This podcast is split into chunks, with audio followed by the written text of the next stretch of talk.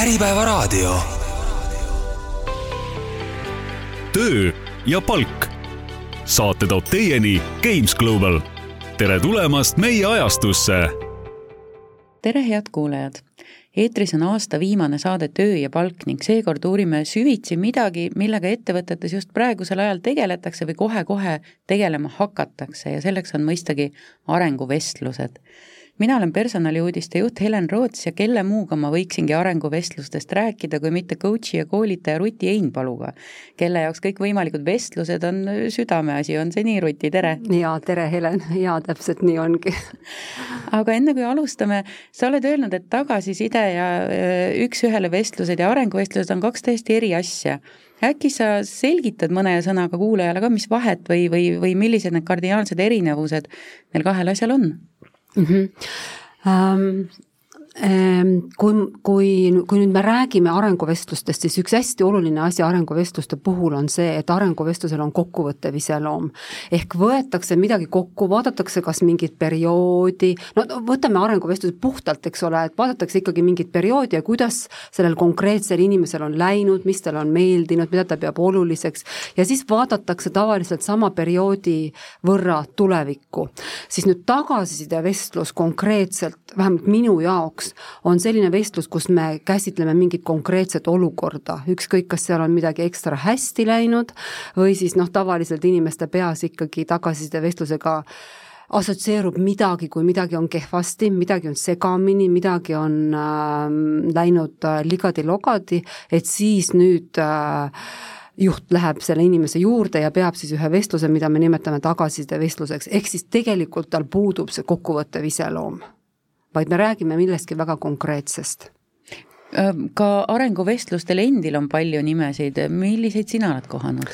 no neid nimesid on no tõesti hästi palju ja hästi erinevaid, et ma armastan kahte erinevat nimetust äh, ikka aeg-ajalt esile tuua, et äh, kord oli mul koolitus advokaadibüroos ja seal siis nimetati neid vestluseid make it happen vestlusteks nii.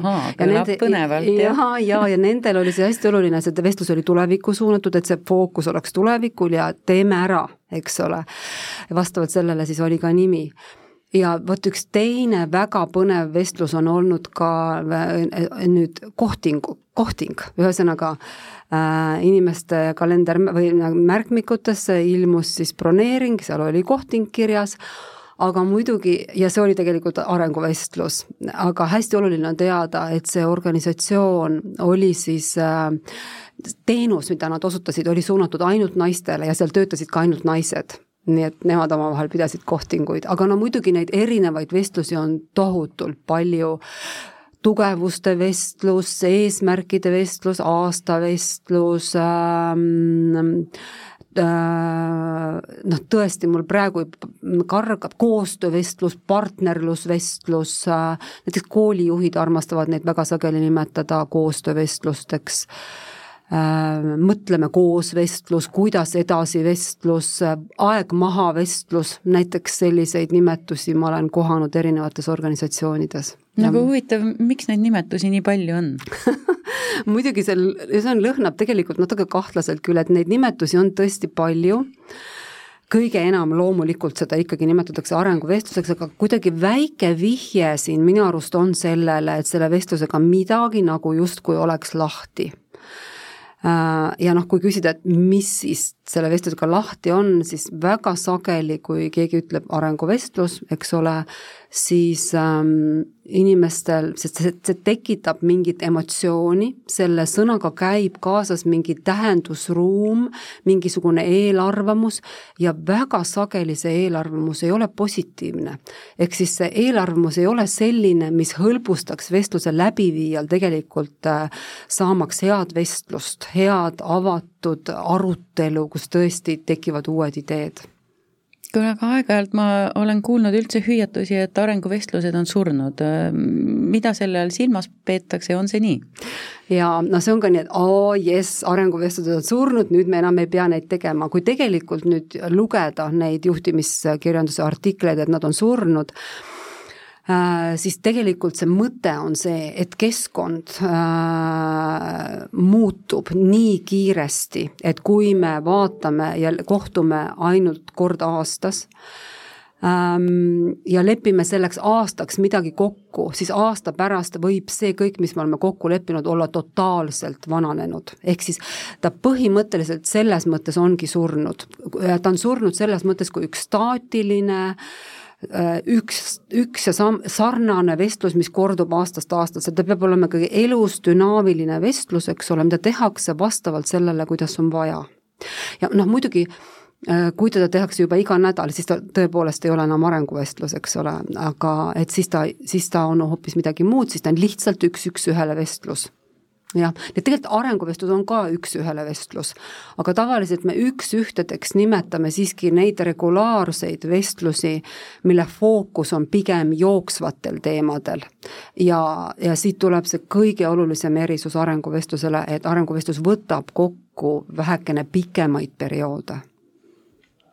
Kui nädal või päev või, või kaks nädalat või ka kuu kuule, aga saadet ette valmistades äh, tõid sa ka ise välja, et Gallupi uuringu järgi on arenguvestluste tõhusus tegelikult väga madal ainult, ainult äh, neliteist protsenti küsitletutest kinnitas, et arenguvestlus tõesti inspireerib ja motiveerib arenema, et mis sa arvad, miks see sinu arvates nii võib olla? No tead, Helen, see on üks mu lemmiknumbreid, et mulle meeldib see number või õigemini mulle meeldib inimesi šokeerida selle numbriga, panna mõtlema, et see vestlus tegelikult on tõsine asi. Ja, ja kui ma olen Eesti erinevate personalijuhtidega rääkinud sellest numbrist, ja mäletan, ükskord olidki erinevad personalijuhid koolitusel, see oli ühe väga suure organisatsiooni personalijuht, kes tuli pärast koolitust minu juurde ja ütles, et ta tegelikult arvab, et see number võib isegi pigem väiksem olla, kui et ta pigem suurem on. ja tõepoolest, et ähm, äh, neliteist protsenti on siis nendest, kellega vestlusi läbi viiakse, nendest inimestest siis olnud tugevalt nõus sellega, et jah, ta tõepoolest inspireerib ja motiveerib meid arenema. ja milles siis asi on, et kui me vaatame nüüd neurobioloogiliselt, mida see vestlus meiega teeb, siis tegemist on tegelikult ju soorituse hindamisega ja noh, see niisugune meeleseisund võib olla midagi taolist, et ma lähen nüüd ja toimub minu soorituse hindamine, keegi teine siis natukene võib-olla paneb mind ja minu sooritust paika ja see tekitab vähemal või suuremal määral ärevust. väikesel määral ärevust on hea ehk siis, kui see ärevus on selline mm, nagu mõnus põnevus, eks ole, natukene niisugune, tekitab niisugust erakorralist tunnet, siis see on ekstra hea, see tähendab seda, et ma saan ligi kogu oma vaimsele võimekusele. Nüüd äh, see, kui palju me ärevust talu, talume, on hästi erinev inimeseti ja kui see sellest väikesest ärevusest läheb üle, siis tegelikult meie võimekus kukub kolinal me tajume siis, meie aju neurobioloogilises vaates tegelikult tajub ohtu, mis tähendab siis tegelikult seda, et meie loogiline mõtlemine, loovus, huumorimeel, uute ideede väljamõtlemise võime, kõik see tegelikult pidurdub ja välja näeb see siis nii, et suure tõenäosusega, muidugi inimesed on see hästi erinev, me muutume kidakeelseks ja noh, nagu lapsevanemad armastavad öelda, et kisu nagu konksuga lapse käest sõnu välja, tead seda jah? Kuidas konksuga. ikka, ikka ikka, ikka. kuidas koolis läks normaalselt? jah, napisõnaline, enne mõtleb, mida ütleb, pigem ei ütle, eks ole ja, ja kui nüüd ähm, arenguvestlusele tuleb inimene, kes pigem on selline, pigem natukene lukus, natukene ettevaatlik, siis see tegelikult kohe mõjutab ka juhti või seda arenguvestluse läbiviijat, sest tunded kanduvad üle ja me oleme siis mõlemad natuke, me käitume küll erinevalt. Tahad teada, kuidas siis vestluse läbiviija käitub, kui teine on kidakeelne no.? no kuidas ema käitub, kui laps on kidakeelne? mm. hea küsimus. hakkab rohkem rääkima. jah, jah, jah, just. ja siis juhtubki see, mida nimetatakse, eks ole, mono, juht monopoliseerib kogu selle aja, räägib eetri täis ja kui vestlus läbi saab, noh siis nagu ühel koolitusel mulle üks juht ütles, et ei no mis, mul on nende vestlustega kõik korras, ma lähen kohale, juht räägib kogu aeg ja siis ma tulen ära ja ütlen ahah. hea lihtne. hea lihtne mm, -hmm. aga vestluse tulemus on tõenäoliselt null, eks ole.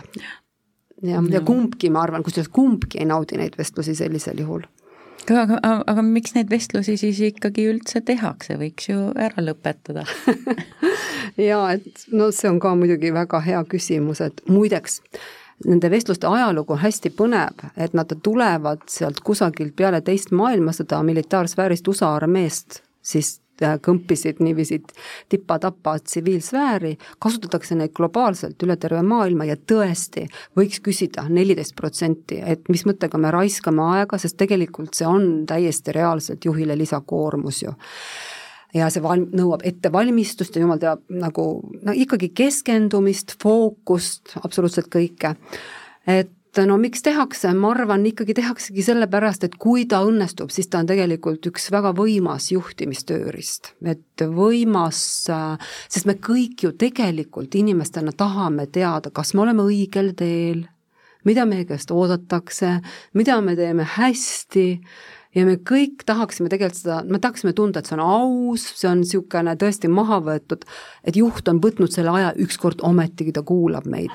et see motivatsioonihoob siis, et tegelikult ta on nagu kahetine, et ühelt poolt, kui ta õnnestub, siis ta tõesti ideaalis motiveerib, inspireerib, ma tean, ma olen vajalik, ma olen oluline, ma olen väärtuslik ja kui ta nüüd niiviisi ei lähe, näiteks juht kogu aeg räägib, eks ole, mina sõna ei saa, mitte midagi ei juhtu, noh siis ma mõtlen, et oh, on siis neid vaja, nad on mõttetud, eks ole, ja siis ta, see nagu demotiveeriv faktor on siis tegelikult ka hästi suur jah, et kui ta õnnestub, et mul tuli meelde kohe siin äh, Mart Juure soovitus, et viska kirbes metsa, küll jänes ette jääb, et, et peame ära, loodame, et on kasu. aga, aga mida sina ise arvad, et kas tegelikult äh, keegi ikkagi üleüldse saab kedagi teist arendada? jah see on ka muidugi nüüd hea küsimus, ähm, tegelikult ähm, ähm, ma armastan seda mõnikord küsida ka inimeste käest ja muidugi vastuseid on hästi erinevaid, sest ilmselt see vastus nüüd sõltub ka sellest, et mida sina mõtled arendamise all ja mida mina mõtlen arendamise all, eks ole, et me võime täiesti erinevaid asju mõelda. aga ma arvan tegelikult, et kui seda öelda nüüd nii, et ma saan midagi teha, kui sina ise tahad areneda, et siis ma saan sind toetada, ergutada, mis iganes, eks ole, et ma saan, et juht saab tegelikult palju ära teha, aga kõige olulisem on see, et inimene ise tahaks ja noh, muidugi me saame ju loota selle peale, et ta ise tahab, sest me ikkagi loodame, et ta teeb tööd, mida ta armastab ja mis talle meeldib ja mis temaga kokku sobib no et ikkagi ei saa santi sundida, kui sant ei taha kõndida. või, või, kuidas nad ikka... ütlevad, et pimedat mm -hmm. ei saa üle tee aidata, kui kui ta ei taha minna, kui tal ei ole vaja minna, eks ole aga, aga, aga kuidas ma ikkagi juhina saan sellist äh, toimivat ja arendavat arenguvestlust teha, kui ma ei tohi justkui kedagi arenema survestada mm? -hmm, mm -hmm. et mis on see võti? et äh, ma arvan, et see võti tuleb tegelikult see võti tuleb sellest samast asjast, et kui ta ise tahab, ehk see ise on hästi oluline, see autonoomia. ehk siis inimene, tegelikult see hirm ja ärevus tuleb sellest, kui ma arvan, et keegi hakkab mulle tagasisidet andma ja ta paneb mind paika. keegi on minust targem, keegi teab ja ma ise ei saa rääkida, et see on kõik selline alateadlik niisugune meeleseisund, mida meie aju suudab siis välja mõelda ja nüüd selleks, sellest üle saada tegelikult äh, see vestlus peab loomulikult olema turvaline, ettevalmistatud, inimene peab tajuma, et ta on oluline. Ja siis see printsiip on tegelikult see, et las see inimene ise analüüsib ennast, las ta ise tagasisidestab ennast.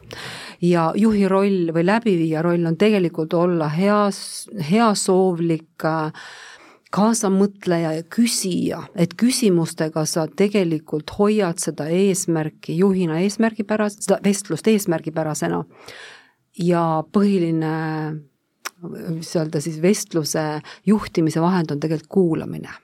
et äh, sa juhina oled tulnud sinna tegelikult sellepärast, et kuulata seda inimest, mis talle meeldib oma töös, mida ta peab oma töös oluliseks, mis on tema jaoks olnud kõige olulisemad saavutused, verstapostid, kuhu ta tahab tulevikus minna, mis on see, kuhu ta tegelikult ta tahaks liikuda, kas sa saad kuidagi midagi selle jaoks teha, mida ta ootab sinult kui juhilt, mida sina ootad temalt.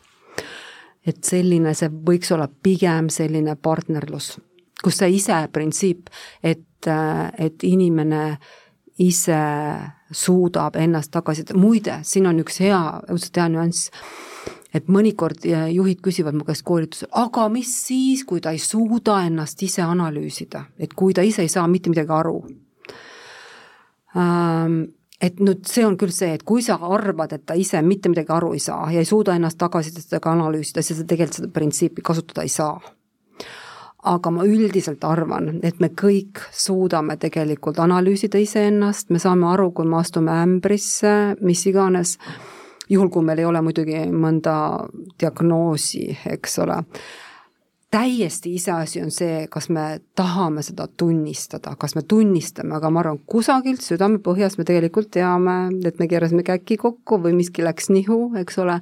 nüüd on see, et kas see õhkkond on minu jaoks nii turvaline, kas see psühholoogiline turvalisus on olemas, et ma tahan selle arutada ja sinuga sellest rääkida või ma pigem nagu teen näo, et midagi polnud, midagi ei juhtunud nii, aga rääkides nendest samadest äh, ämbritest ja sinna astumistest, et äh, sul on kindlasti kogemusi, kas, kas arenguvestlustega on, on võimalik ka korralikult ämbrisse astuda, kuidas erinevad organisatsioonid sellega hakkama on saanud, selle ämbrisse astumisega mm? -hmm. ma arvan, et no ämbrisse astuda on võimalik, no Murphy on ikka, et, et igasuguseid asju võib juhtuda. aga kui ma vaatan nüüd üldiselt organisatsioonide tasandil hästi laialt, siis seal on võib-olla kaks sellist suunda, et üks suund on see, et arenguvestlused on ülearendatud. Et tõesti organisatsioonid, kus neid tehakse kolmkümmend aastat juba, tehakse väga hästi, personaliosakonnad annavad endast parima, et juhid saaksid seda teha. Ja mõnes mõttes võib öelda, et juht läheb sellele vestlusele nagu jõuluvana. et tal on umbes ähm, viis meetrit küsimusi, siis ta peab läbi käima need küsimused, ta peab läbi rääkima kolmesaja kuuekümne, võib-olla kompetentside mudelid, väärtused, mis iganes, ja ta enam ei saa aru, kust ta alustab ja kust ta lõpetab ja see lihtne loogika läheb kaduma sellel vestlusel see on siis üks äär, eks ole, et liiga ülearendatud. ja teine äär on see, et noh, ei ole üldse tuge. noh, et see, et mõlemad on tegelikult natuke halvad, et hea oleks seal kusagil noh, juhid vajavad kindlasti tuge ja personaliosakonnast nad ootavad seda kompetentsi, et päris ilma toeta nad ka ei saa, aga nüüd, kui muidugi vestlused tasandile minna nüüd üksikvestluse tasandile, siis ükskõik, kui hea on see kultuur äh, Äh, organisatsioonides alati, ala, noh, me ei saavuta kunagi olukorda, et kõik vestlused on absoluutselt perfektsed, inimesed avanevad, me räägime, see on nagu tore atmosfäär, et selle jaoks vestluste juures see isiklik keemia komponent on nii suur ikkagi. Mm,, aga noh, ma mõtlen, et kuidas vestlused ikkagi tavaliselt lähevad nässu, on siis see, et juht hoiab kinni äh, Äh, sellest küsimustest praktiliselt äh, teda ei huvitagi, mis inimene vastab, võib-olla ta ei kuulagi teda, täidetakse mingeid lünkasid ja siis väga levinud on see, et juht räägib kogu eetri täis. Äh, räägib ise ja, ja kuidagimoodi see siis tuleb tegelikult sellest, et tema enda stressitase on läinud liiga suureks ja see on muidugi vastasmõju meie kahe poolt, et kui sina natukene oled liiga suures stressis, siis olen mina ka või kui mina olen, siis lähed, siis see mõjutab sind ka et see, see vastasmõju on tegelikult alati olemas, jah. Aga no muidugi, üks asi mul tuli veel meelde, et mis, mis, mida mulle just eelmisel nädalal keegi rääkis, et äh, näiteks üks võimalus on ka see, et, ähm, et inimene vajub laiali eks ole, alustame küll asjast, aga siis äkki avastame mõlemad, et ohoo, kuhu jutt on läinud. ja siis üks võimalus vai-, laialivalgumiseks, mida juhid on mulle rääkinud, on ka see, et et hakatakse rääkima kellestki Pillest ja siis kellestki Jürist ja kellestki Margusest ja see ei ole enam selle persooni nimi, vaid natukene võib-olla sarnaneb ka niisuguse väikese tagarääkimisvestlusena, et arutame kedagi teist, et mugavam rääkida kellestki teisest. et see võib ka olla üks versioon kas, ähm, kas läbikukkumiseks võib pidada ka seda, kui see, kui see arenguvestlus jääbki sellesse ruumi, et, et kus me seda vestlust peame, me räägime, me justkui arutame läbi mingid tähtsad punktid, äh, me paneme need kirja ja need justkui lihtsalt kukuvad sinnasamma surnult maha, et nendest ei, nendest ei saa enam, enam midagi. et kõik need kokkulepped, mis me sõlmisime, need sinna jäävad, järgmisel korral teeme uued kokkulepped ja, ja nii ongi jaa, see on ka üks, mis tegelikult inimestele, et nad, kui nad noh, räägivad, et siis see teeb neile haiget või muret või tegelikult teeb nad kurvaks, et midagi ei juhtu, et äh, loomulikult, kui see on nüüd kord aastas, eks ole, et, äh, et siis tuleb vahepeal ka vestelda inimestega ja kui midagi kokku lepitakse, siis tuleb leppida need vahevestlused kokku, et kuidas me oleme edasi liikunud, kas see tegelikult on enam aktuaalne üleüldse, äkki me paneme selle kõrvale et, et see on ikkagi hästi oluline, mida siis vahepeal tehakse, jah. ja noh, loomulikult on see vestlus ikkagi see, kus me räägime, mida mina ja sina, meie kahekesi saame muuta äh, ja me võime rääkida ka, mida kusagil ülevalpool saab muuta, aga siis mina juhina saan öelda ainult see, seda, et okei okay,, ma viin selle teema kuhugi ülespoole, aga mitte me ei hakka kiruma, ma ei tea, ilma või, või, või seadusandlust või ma ei tea mida, jah ja et ma olen jah tihtipeale äh, kuulnud äh, arenguvestlustest, kus, kus töötaja ootab seda võib-olla pikka aega, et, et vot see on see koht, kus ma saan oma juhile ära rääkida, vot mul on see mure. Mm. ja juht kuulab selle ära ja, ja, ja, ja siis noh, nendime lihtsalt, et räägitud. Jah, et mis siis ikkagi edasi saab, et mida me teeme, mida sina saad teha, mida mina saan teha ja mida me kokku lepime, et see on hästi oluline, jah ja, ja kui äh, oluline on, on see, ütleme siis minu ja juhi suhe selle juures, et, et kui, kui kergesti inimesed üldse tahavad äh, juhile midagi isiklikku rääkida. Sest tihtipeale on ju see, et kui mul on, ütleme, tööl ähm, mõni probleem või, või mõni raskus, äh, see võib olla tingitud millestki, mis toimub minuga üldse mitte tööl, vaid võib-olla isiklikus elus, et kui, kui kerge on rääkida juhile millestki, mis, mis minuga toimub see usaldus on hästi oluline, et tegelikult äh, kogu juhtimine põhineb usaldusel, kui äh, minu ja minu töötajate vahel või mingi konkreetse töötaja vahel näiteks ei ole usaldust, siis tegelikult äh, see inimene, kui meie vahel ei ole usaldust, siis ta ennast juhtida tegelikult ei lase. ehk alateadlikult me oleme kaitses, me oleme kogu aeg kaitses, me kogu aeg mõtleme, mida me ütleme, mis on turvaline, mis mitte, ja seda mõju me, me, me blokeerime selle mõju, enne kui see meieni jõuab. jaa, just, sa tõid selle turvalisuse mõõte praegu, ma mõtlen ka, et, et teine probleem võib ju olla see, et kui palju ma julgen midagi öelda mm, -hmm. eks ole, et mis, mis äh, minu sõnade taga võib-olla pärast saab olema, on ju. jah, et noh, see, sa ütled, kui mhm. palju ma julgen, et see toob mulle meelde, õnneks ma olen seda küll korranud, kohanud ainult ühe korra, aga et kui ju arenguvestlusi ju no kuidas nüüd öelda, mitte protokollid, vaid tehakse kokkuvõtteid, eks ole, et kusagile juht paneb midagi kirja ja mõnikord on ka mingid tavad, kus neid talletatakse, kus neid hoitakse. Ja väga valulikult näiteks ühes organisatsioonis inimesed on reageerinud, kui ta ütleb, et ma käin arenguvestlusel ja järgmisel päeval, noh piltlikult öeldes järgmisel päeval ma kuulen, et see, mida ma olen rääkinud, kõnnib, et see jutt kõnnib mööda koridore et, et noh, sel-, kui selline asi juhtub, siis seal kindlasti usaldust enam kunagi ei teki, et see on väga suur äh, hoop. et arenguvestlusel tegelikult ähm, noh, konfidentsiaalsuskokkuleppeid ei tehta, aga see on iseenesest loomul-, noh, arusaadav või tunnetatav peab olema, et juht saab aru, mis on ainult meievahelised teemad ja mis on teemad, mida ma arutan tiimiga, mida ma võib-olla saan organisatsioonis kõrgemal arutada, eks ole, et, et see on hästi oluline, et teki-, et oleks see, see usaldus. ja, ja no eriti karm on muidugi sel puhul, kui, kui miski, mida ma usaldan juhile, võib-olla järgmisel päeval osutub relvaks tema käes minu vastu, eks ole, jah. muidugi siin mul tuleb veel üks mõte, Helen, meelde, et et, et vot kui inimesed tulevad ja on ärevus, et, et millest see ärevus tuleb, eks ole, et seal on kaks faktorit, see on hästi huvitav.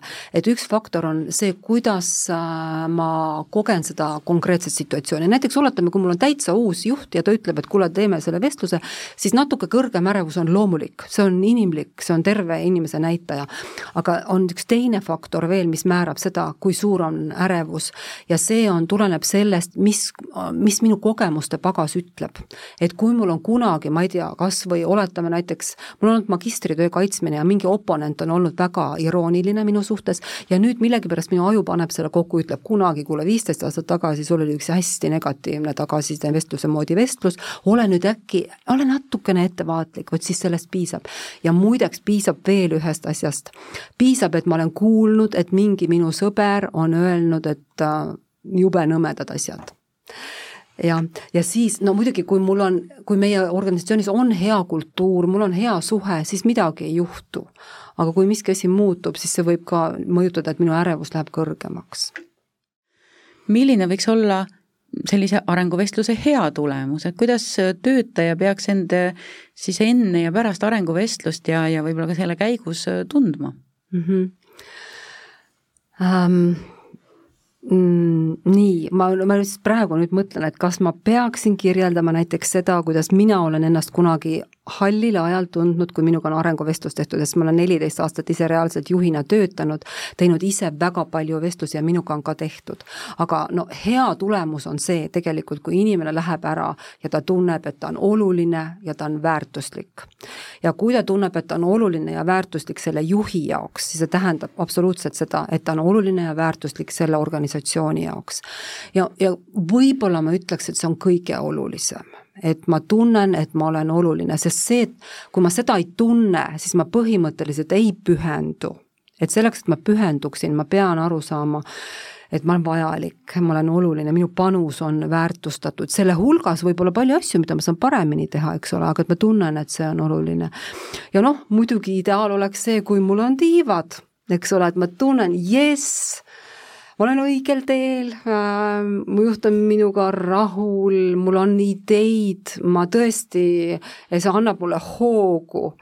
Äh,, ma lähen ära, mu silm natukene särab. Äh,, noh, mingi selline meeleseisund tegelikult võiks olla. Ja et äh, ja, ja see võiks olla mulle tegelikult natukene kütus selleks eesseisvaks perioodiks ja see, see kütus võib päris kaua tegelikult kanda. et ja ma arvan, et see tuleb selle pealt, et ma sain aru, et mu juhil oligi minu jaoks aega, ta tõesti kuulaski mind ära, minu ideed huvitasid teda.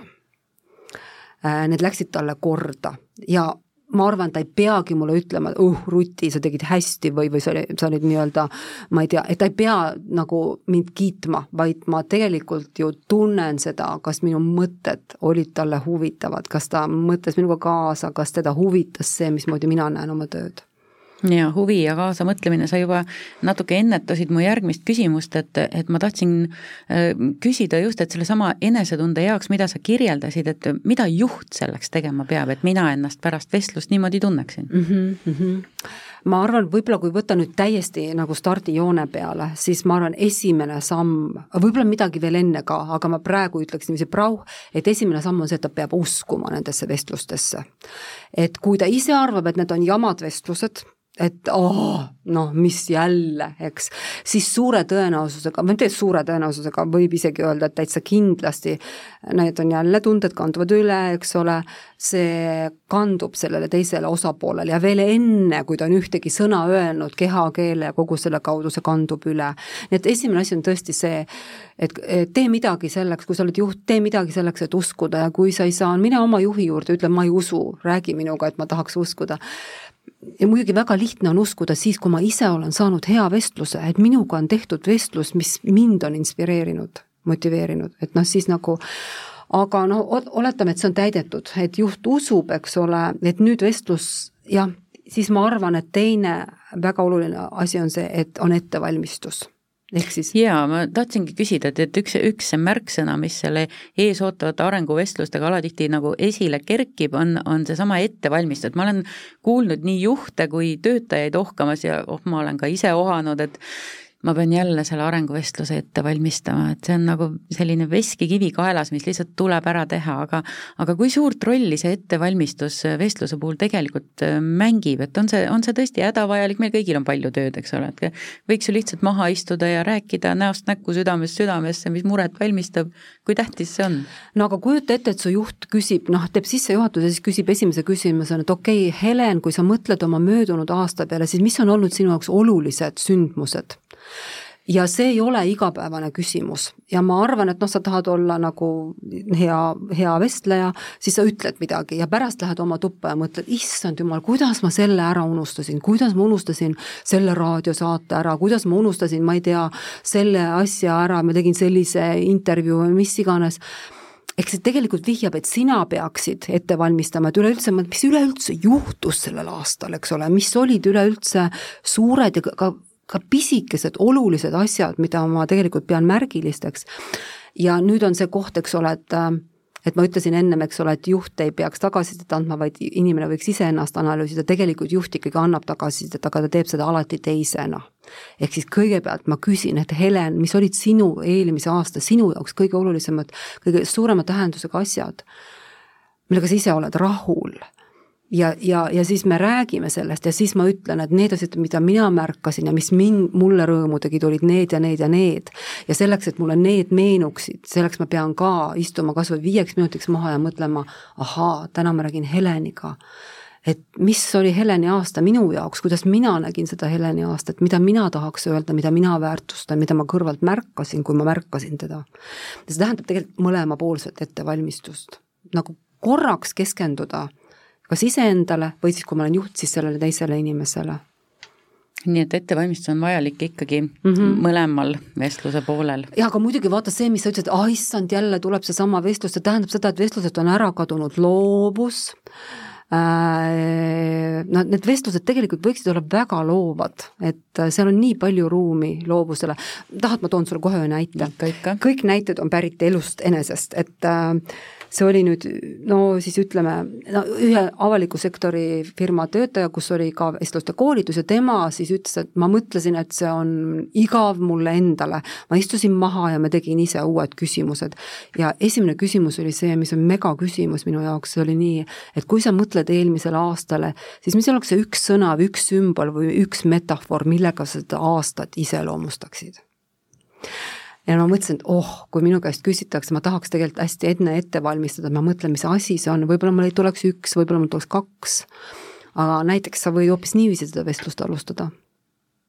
väga mhm. põnev jah, aga, aga kas sa saad anda ka nõuanded või näpunäiteid, mida näiteks arenguvestlusel kindlasti teha ei tohiks mm? -hmm, mm -hmm üks asi, ühesõnaga, et noh, see kuulamine on siis kõige olulisem, aga mida teha ei tohiks, on siis üks asi, mida teha ei tohiks, et sa kogud terve aasta jooksul neid jamasid ja siis lähed, tõmbad kapi ukse lahti ja siis need luukered kukuvad välja ja siis hakkad sellele inimesele rääkima, et vot, esimesel veebruaril sa tegid seda ja siis sa tegid seda. et noh, see on absoluutne arenguvestluse surm, et äh, keeruliste, segaste asjade lahendamise puhul kehtib ikkagi printsiip, et siis, kui see juhtub, siis sina seda lahenda. mitte, et ära kogu, et noh, see on nagu üks hästi hästi, võib-olla, võib-olla kõige olulisem asi, jah, mida teha ei tohi. Ja siis muidugi ka see, et no proovi mitte eetrit ise täis rääkida, et jätta teisele ka jah, aga ma ütlen, see juhtub nii lihtsasti, et see juhtub meie kõikidega, eks ole et.... ja hakata oma, oma elust näiteid tooma, eks ole, et aga ükskord mul oli nii. mul oli ja, nii ja, ja jube põnev, jah, seosed mm -hmm. jooksevad kogu aeg peas. nii, aga nüüd paar sellist alatasa küsimusi ja kõhklusi tekitavat kombot, kas pitsa peal käib ananass? ai ei, see oli teine küsimus, kas arenguvestlused ja raha, kas need käivad kokku piits, piitsa, pitsa peal käib ananas. nii, et üldiselt on arenguvestlused üks väga loominguline ja loov instrument, seda võib, seal ei ole, seal on vähe asju, mille kohta öeldakse must et nii peab tegema. aga raha kohta öeldakse, et kui võimalik, siis hoia lahus. ja miks põhjus on väga lihtne, raha teema lihtsalt nii tugev et kui sa seal lõpus hakkad rääkima rahast, siis kui see sinu võimalus midagi pakkuda ei vasta inimese ootustele, siis see sõidab tervest sellest vestlusest üle. nii et noh, see soovitus on hoida lahus, aga ma olen väga ikkagi kohanud, mul tuleb kohe meelde päris mitu organisatsiooni, kus need on koos ja kus on ka head vestlused nii et aga see igal juhul, kui sa võtad raha teema sisse, igal juhul nõuab see sinu käest nii-öelda ütleme siis advanced oskusi Äh, vestluse juhina äh, seda vestlust juhtida, see teeb kindlasti vestluse juhtimise raskemaks, sest noh, inimesel, ta teab, et see tuleb, siis ainult see raha teema tal plingibki peas, eks ole, niisugust äh, vestlemise vabadust ja rõõmu seal ei ole, eks ole, noh, sõltub inimesest, eks ole, ja sõltub valdkonnast, eks ole. Kui see palk, mida sa saad maksta, on tõesti väga super see valdkond. ja mõtlesin just, et see palgateema on mõistlik sisse tuua siis, kui, kui see on selline väga-väga positiivne noot vestluse lõpetamiseks, et sellest jääks selline hea maitse suhu, eks ole. ja, ja okei okay., aga, aga milline võiks olla mõni selline lihtne, nagu sa ütled, kar-, kark, millest kinni hoides võiks, võiks juba saada parema vestluse? Mm. -hmm. mõnikord ma ütlen, mõnikord, et see kark võib olla inimeste jaoks hästi erinev, mõnikord ma ütlen näiteks, et kui juht peab silmas ainult seda, et see on selle teise inimese vestlus, mitte minu kui juhi vestlus. ma olen tulnud siia selleks, et teda kuulata, see on tema vestlus, juba see võib aidata, et see vestluse kvaliteet tõuseb hoopis teisele tasandile. ja võib-olla ka see äh, läb-, mõtlemine, et eelkõige me kohtume inimestena et me tegelikult ikkagi kõigepealt kohtume inimestena ja siis meil on see töö ja mingid rollid ja mingid eesmärgid ja mis iganes. et me saavutame selle silla üksteise vahel tegelikult inimestena, jah nii, aga äh, arenguvestluse juurde ja arenemise juurde käib ka siis nende arengukohtade või, või edusammude kiitmine ja tunnustamine, et kohati see võib tunduda selline punnitatud tegevus, kiita võib-olla millegi elementaarse eest, nagu kiita kümneaastast, et ta ise sokid jalga sai. kuidas sellega tegelikult on, kas on vaja tingimata kiita ja tunnustada, kas kiita ja tunnustada tuleb ainult erakordseid saavutusi? Või ka lihtsalt öelda selliste elementaarsete asjade eest, et kuule, tubli töö. Ähm, jaa, ma äh, äh, nüüd äh,, see on nüüd selline teema, et siin puudub e-, eestikeelne kokkulepe näiteks äh, hariduspsühholoogide, käitumisteadlaste vahel, et mis asi see kiitmine on ja mis see tunnustamine on, eks ole. et kui me mõtleme, et kiitmine on see nõndanimetatud tublitamine, siis see on out et üldiselt on väga palju inimesi, kellel lähevad kõik ihukarvad pür-, turri, kui, kui keegi ütleks, tubli Helen, tubli Helen, eks ole. et see kuidagi on vanemlik, paneb teise nagu pisemale positsioonile ja ütleb, et no nüüd tuli keegi tark välja, eks ole, ja me reageerime sellele, see, see võib meid vägagi ärritada.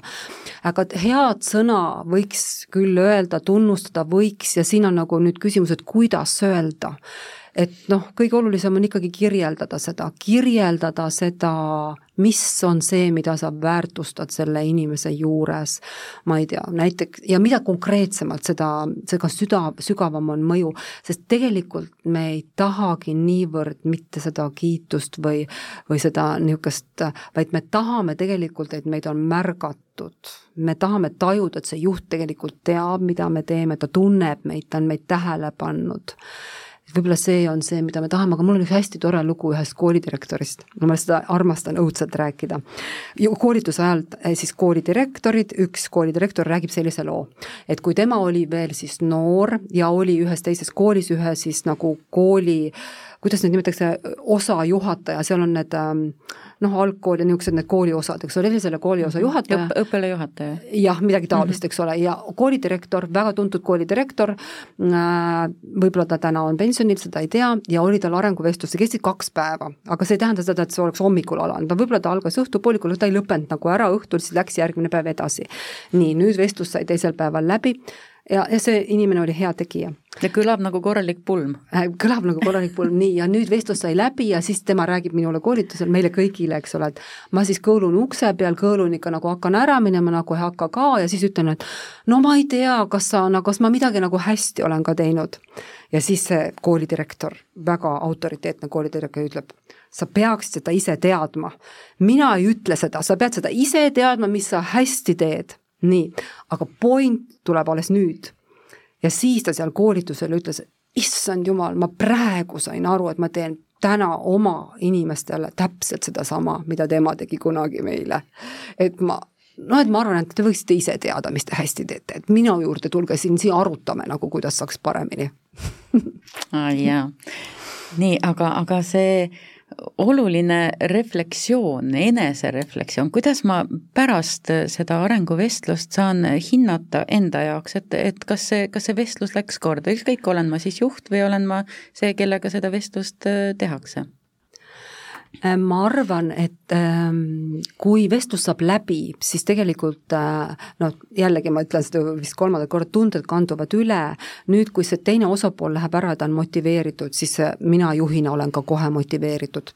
et ma tegelikult tunnen seda, kuidas vestlus läks, aga nüüd hästi oluline tegelikult on see ikkagi see analüütiline, intellektuaalne refleksioon juhina et hästi oluline on tegelikult peale vestlust korraks iseendaga maha istuda, kas või ainult viieks minutiks ja mina ütlen nagu mõnikord nii, et vala kogu see vestlus nagu sõela peale ja siis hakka raputama ja vaata, mis sõela peale jääb.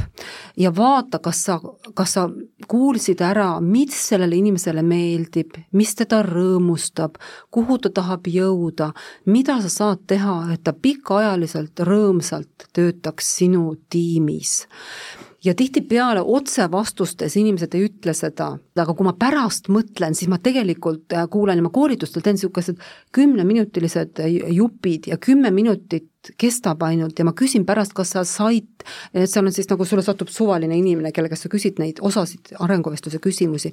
Ja ma küsin, kas sa said teada, mida oleks oluline sul juhina teada, kui sa oleksid tema juht, et ta oleks motiveeritud. Ja peaaegu alati nad ütlevad jah, ma sain teada, ma ise ka imestan, kuidas see võimalik. Et ma sain teada, aga see on, see on nii, et kui me seda aega ei võta, siis see info jookseb mööda meid maha, nagu vihm sajab meile peale, kuivab ära, midagi nagu polnudki. et see on siis juhina küll hästi oluline teha seda, sedasorti refleksiooni korraks istuda iseendaga maha ja mõelda, mis ma sain selle inimese kohta teada, mida mina saan teha teisiti, et tema oleks refle-, äh, oleks motiveeritum. ehk siis mida mina saan teada, ma saan selle inimese kohta infot ja see info võiks olla minu jaoks tegelikult sisend, kuidas mina oma töökorraldust, mis iganes muudan. tihtipeale me mõtleme, et arenguvestlus peab andma sisendi sellele teisele inimesele, et saagu aga paremaks aga mina saan tegelikult luua neid tingimusi, et tema saab õitseda ja anda tegelikult organisatsioonile ja meie tiimile nagu oluliselt paremat, paremat noh, tulemust. nii, aga võtame nüüd äh, selle äh, töötaja seisukohalt, et mida, mida tema, ütleme, üks asi on see ettevalmistus, aga, aga iseendaga, mida, mida tema saab teha, et ta äh, sellel arenguvestlusel ennast paremini tunneks ja et see, et see korda läheks, mis, mis võiks olla see tema äh, häälestus? jah, et noh, ettevalmistus on siis oluline, nagu ma juba ütlesin, aga ma olen tegelikult isegi kirjutanud ühe artikli peale seda, kui ma olin rääkinud mitme inimesega, kellel olid vestlused stiilis juht äh, küsib ise, vastab äh, ja nii, et, ähm, et kui nüüd üldiselt on nii, et äh, seal on see võimu erinevus ja äh, ja kui mina olen see, kellega vesteldakse ja mulle juht ei anna sõna, siis on üsna harva see, kui see teine osapool suudab ise sõna võtta. ta peab olema väga teadlik, aga see on põhimõtteliselt võimalik ja kui nüüd sa arvad, et sinu juhiga võib see juhtuda, et ta räägib kogu eetri täis, siis kui sa ennast ette valmistad, siis on võimalik see, et kui juht natuke peab õhupausi või mingisugune vahe tuleb, siis saad inimesena küsida, kuule, aga mida sina arvad, et mis on olnud sinu jaoks, millega sa minu juures oled rahul olnud, mis on need asjad, Äh, mida sa väärtustad minu juures? Ja palun räägi mulle võimalikult üksikasjalikult, et sa saad ise tegelikult äh, siis nagu võtta selle, natuke selle vestluse ohjamise üle, muidugi selle juures oleks jube mõistlik öelda ka, et mina väärtustan sinu juures seda ja mulle meeldib, kuidas sa näiteks, mulle meeldib, kuidas sa vestlusi juhid, annad kõikidele sõna või mis iganes, et teha seda, aga eh, on võimalik seda vestlust ise ka juhtida, kui juht eh, nagu seda tegelikult ei tee, aga see nõuab küll enne ikkagi tegelikult ettevalmistust ja keskendumist sellele nii et jah, ettevalmistus tõepoolest tundub, et, et see on võti, aga, aga meie tänane saade hakkabki lõpukorrale jõudma, et ma küsin veel, kas sul on kokkuvõtvalt mingeid soovitusi jagada neile, kes lähiajal oma töötajatega arenguvestlusi pidama hakkavad? võib-olla ma ütleks isegi nii, et äh, väga paljudes organisatsioonides need on tõesti, äh, äh, on hea kultuur, aga ma arvan, et aeg-ajalt oleks vaja juhtidel tulla selle rongi pealt maha ja mõtestada, miks ma neid vestlusi teen, kuidas ma saan tuua värskust, mis kasu kasvab mulle ja sellele teisele osapoolele, et sa korraks nagu vaatad ennast kõrvalt. ja siis sa saad täiesti uue hingamise nendele vestlustele anda, jah jah, ja, ja, ja mis võiks olla, ütleme, need kolm põhilist mõtet, et kui ma hakkan, äh, kui, kui mul seisab ees ülesanne äh, pidada maha arenguvestlused, mis võiks olla need kolm märksõna, mida ma kindlasti peaksin iga kord meeles pidama? võib-olla esimene märksõna võiks olla see, mida ma koolitustel ka sageli ütlen, et vestlus algab enne, kui ta algab. et see arenguvestlus algab enne, kui ta algab. ta algab sellel hetkel, kui sa ütled, nüüd sellel aastal ma alustan arenguvestlustega, ma tahan teid, neid teha sellel aastal natuke teistmoodi, ma olen natukene muutnud, ma ise kavatsen teha seda, ma ootan teie käest seda, vot sellel hetkel algab selle, algab tegelikult see vestlus. ja selle, ja see võiks olla hästi läbimõeldud asi, sel hetkel sa hakkad juba tegelikult looma selle vestluse atmosfääri ja õhkkonda. kui inimesed on natuke liiga suures pabinas ehk ei ole head kultuuri, siis selle eesmärk on luua turvalisust, kui on tekkinud nagu tappev igavus nendest vestlustest, siis nagu värskendada või mis iganes. et, et, et need vestlused algavad enne, kui nad algavad, enne kui ma ütlen sulle tere, vaid need algavad isegi, ma ei tea, no siis, kui sa ütled, et nüüd mm -hmm. hakkame jällegi pihta. veel midagi? no ja siis teine asi on see, et kuula, kuula, kuula ja, ja mine kuulamise koolitusele, sest muidu sa isegi ei saa aru, et sa tegelikult ei kuula, et ja no ma ta ütlen nüüd, et sina, tegelikult see käib minu kohta ka. et see kuulamine on see, mida me õpime elu lõpuni. Nii, aga, aga aitäh sulle, Ruti, selline sai tänane saade Töö ja palk ja arenguvestlustest oli minuga täna stuudios kõnelemas coach ja koolitaja Ruti Einpalu mina olen saatejuht Helen Roots, kes tunneb, et, et talle jäi võib-olla natuke väheks, et ta tahaks selle arenguvestluste teema kohta rohkem teada saada, sellel soovitan kindlasti hoida pilgu peal Äripäeva akadeemial ja seal pakutavatel koolitustel, et Rutil on seal käimas ka selline arenguvestluste koolituse sari. ja mina soovin teile kaunist ja meeleolukat aasta lõppu ja uued teemad juba uuel aastal, aitäh kuulamast!